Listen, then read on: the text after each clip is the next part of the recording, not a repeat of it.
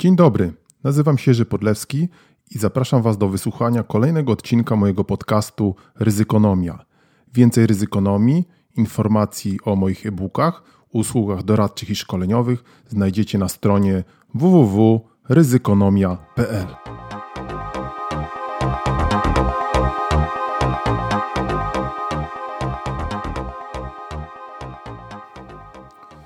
Dzień dobry, dzień dobry, dzień dobry.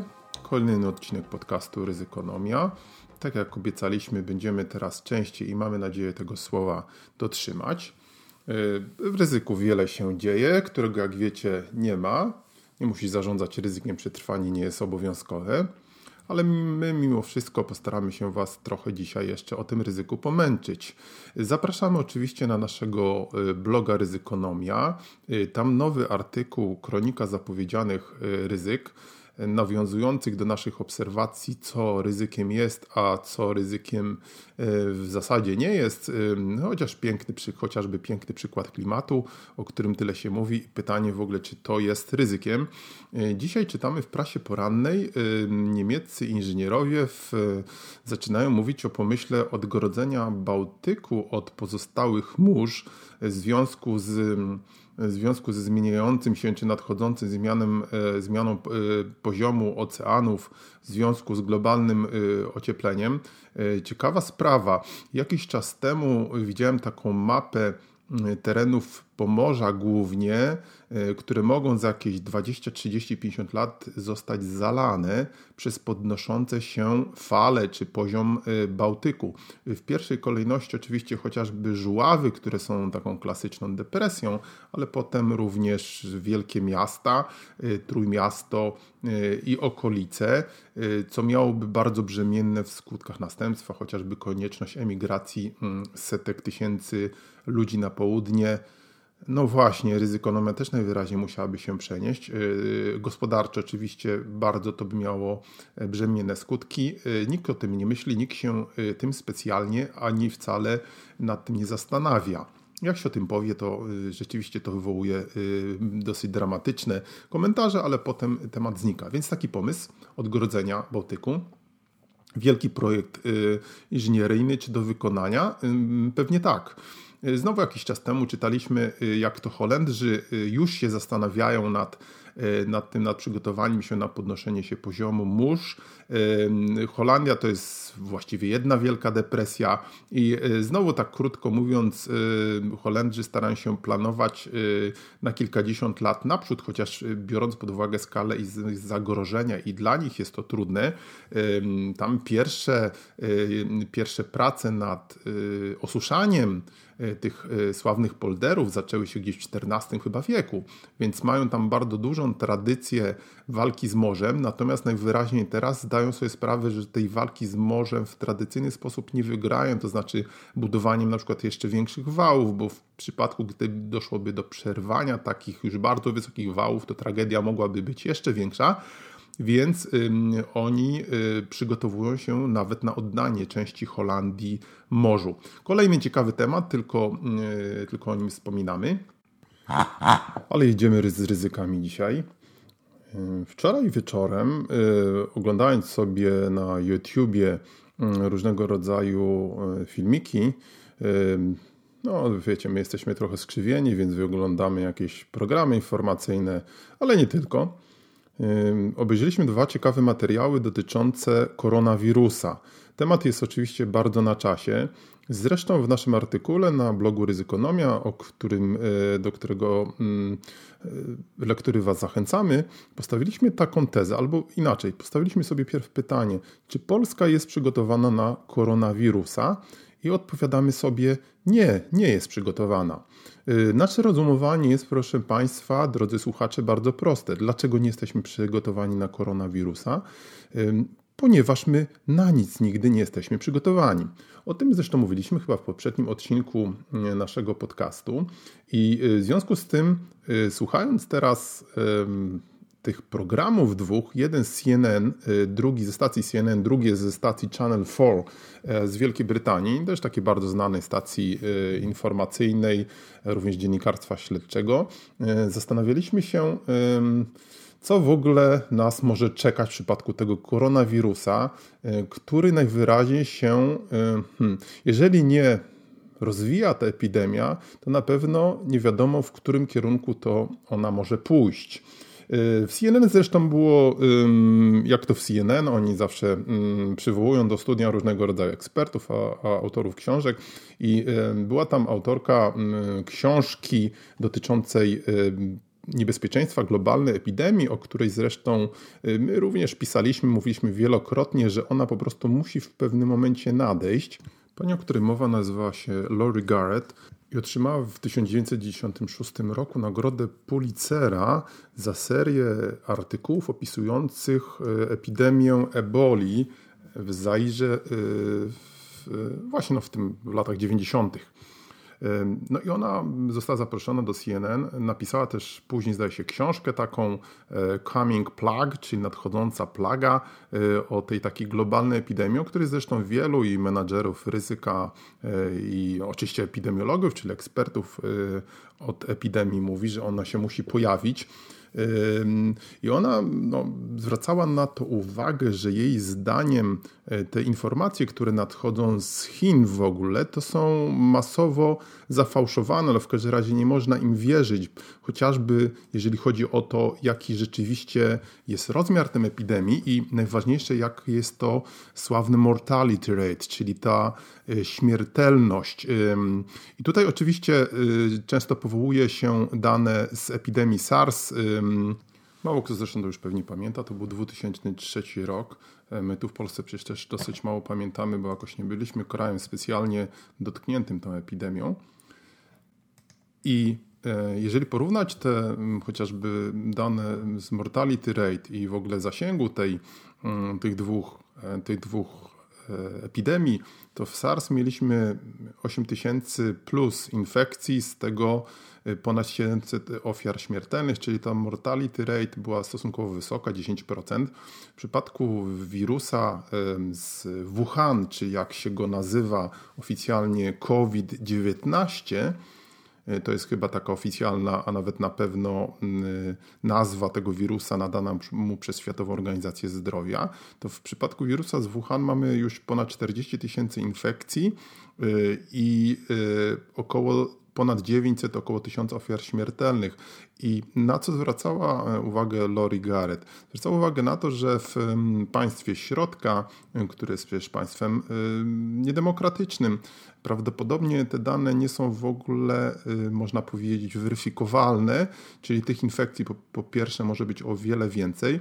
I co najgorsze, nie wiadomo jaka jest właśnie ta mortality rate, czyli ona obecnie jest na poziomie jakichś, jakichś 2% co niby nie jest tak wiele, ale znowu w kolejnej rozmowie, teraz przeskoczymy do drugiego materiału, który widzieliśmy w Channel 4. Zachęcamy zresztą, bo to sobie można samemu podejrzeć na YouTubie.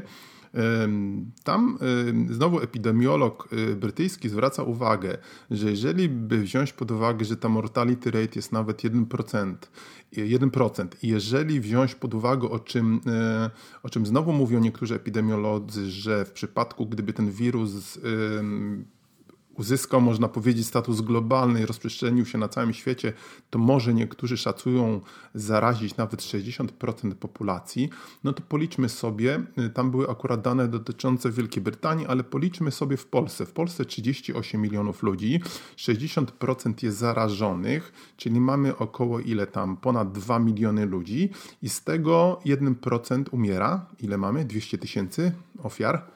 No właśnie, to teraz widzimy skalę, tak? Y, prosta matematyka. Mm, oczywiście można powiedzieć, że to jest straszenie, ale znowu w tym materiale Channel 4 y, profesor epidemiologii, tym razem nie pomnę jego nazwiska, zwrócił uwagę, że chyba lepiej jest przesadzać niż y, można powiedzieć nie dosadzać bo z tym mamy chyba do czynienia i to prawdopodobnie czyni rząd, czy raczej partia chińska, e, która stara się najwyraźniej e, nie mówić całej prawdy i tylko prawdy, co się naprawdę w tym Wuhan dzieje. Tym bardziej, że nie jest to w żaden sposób weryfikowalne, a na pewno dzieje się bardzo niedobrze, bo znowu widziałem jeszcze jakiś tam inny materiał dotyczący tego Wuhan, 11-milionowe miasto i praktycznie biorąc wyglądające teraz jak z jakiegoś filmu o zombie, zupełnie puste, tak? Fabryki tam są pozamykane, o tym za, za chwilę. I teraz w zależności od tego, jakie jest to rzeczywiste mortality rate, e, jak się rozprzestrzenia ta infekcja, bo to w dalszym ciągu nie jest takie jasne, bo e, w Polsce nie mamy co prawda żadnych e, przypadków, ale nie mamy wątpliwości, że takie przypadki się pojawią.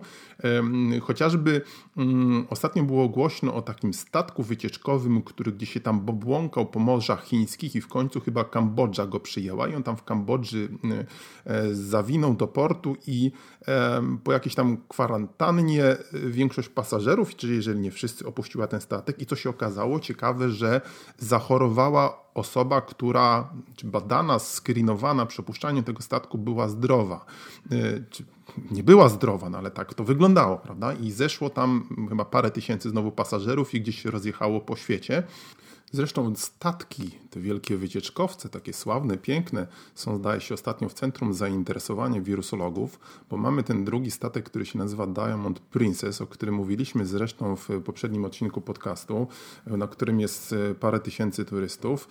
E, o właśnie, teraz sobie tak spojrzeliśmy, widzicie, podawaliśmy dane z CNN-u sprzed kilku dni.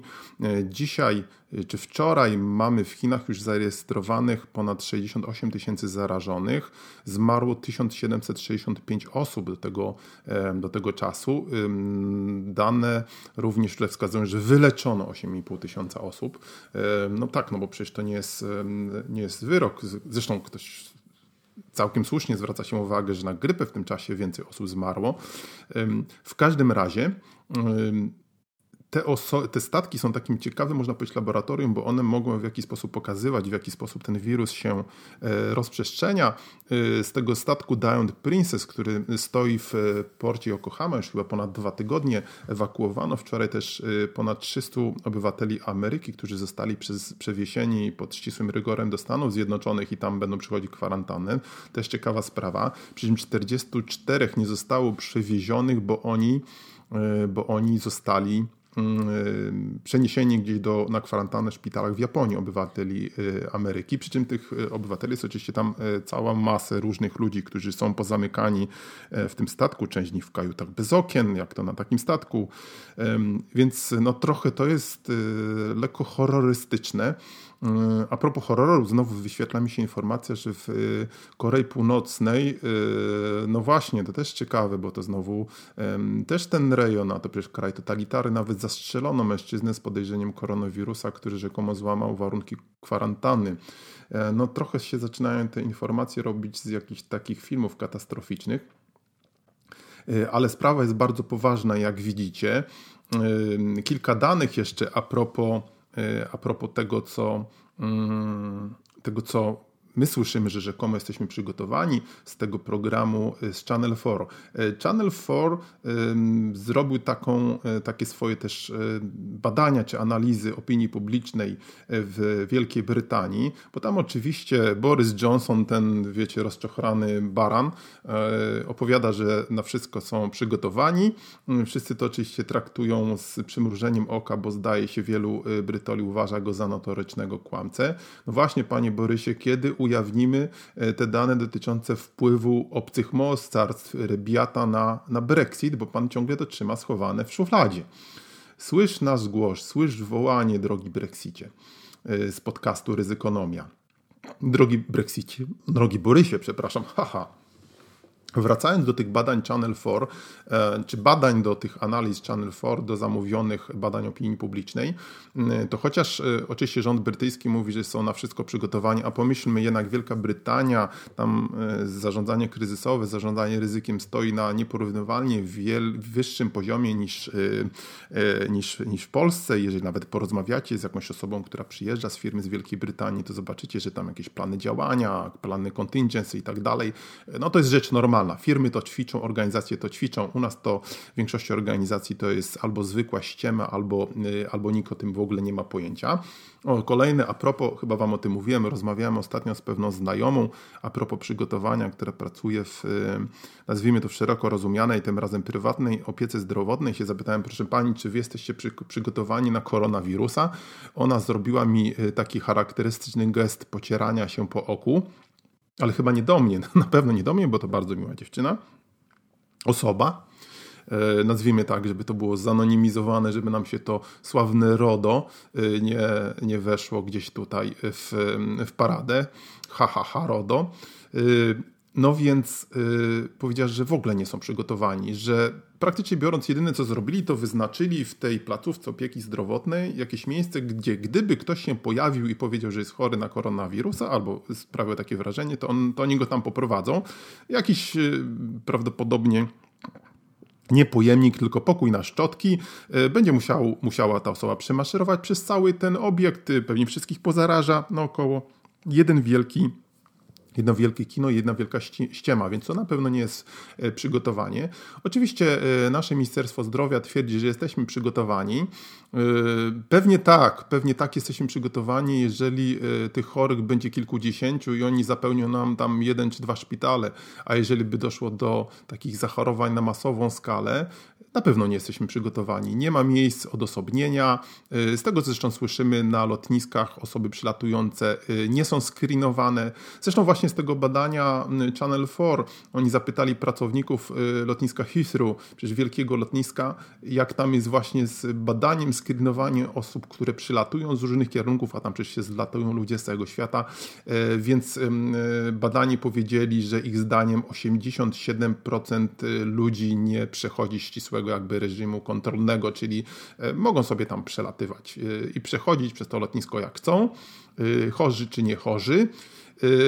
Podobnie zapytano pracowników tej Narodowej Służby Zdrowia, NHS, NHS y, brytyjskiego, y, czy oni czują, że są przygotowani. Pytano lekarzy, ponad 80% czuła, że nie ma o tym bladego pojęcia, że nie są przygotowani i mniej więcej wszystkie inne badania pokazywały właśnie co najmniej 80-90% na nie, że, że mamy do czynienia z, hmm, z kompletnym takim, można powiedzieć, siwym dymem, y, a zwróćmy uwagę, że w Wielkiej Brytanii, o ile pamiętamy, są już cztery przypadki zarażenia chorych na koronawirusa. Y, więc jak to jest w Polsce? Mm, tak jak myślimy, w Polsce nie mamy ani żadnych planów awaryjnych, ani nawet przeanalizowanych jakichś e, kierunków, można powiedzieć, radzenia sobie z tą ewentualną epidemią, czyli na przykład co by było, gdyby w jakimś dużym mieście, weźmy na to Warszawie, rozpoczęły się masowe zachorowania, w szpitalach na pewno nie starczy miejsc, trzeba by budować jakieś szpitale, wykorzystywać jakieś hale. Nic mi o tym w każdym razie nie wiadomo. Jeżeli spojrzymy sobie chociażby na stronę Ministerstwa Zdrowia, to tutaj widzimy y, znowu pięknych ministrów, piękne ich zdjęcia. Widzimy o tym, jak to mamy Narodową Strategię Onkologiczną. no przepraszam, świnka, świnka tu zacichła, y, ale to nas, y, jak wiecie, bardzo roz, rozbawiło w świecie najnowszych developmentów, ale o koronawirusie tutaj żadne nam nie wyskakują. Czerwone, można powiedzieć, czerwone jakieś banery. Y, stronka Rządowego Centrum Bezpieczeństwa. Mm, żarty, żarty, kochani. Y, znowu ten sam jakiś taki dziwny, kolorowy glutek. Na co się dzieli, co, jakieś zarządzanie kryzysowe w Polsce. Ono się dzieli na różne y, podziały poziome i pionowe. Komunikaty z kategorii zarządzania kryzysowego.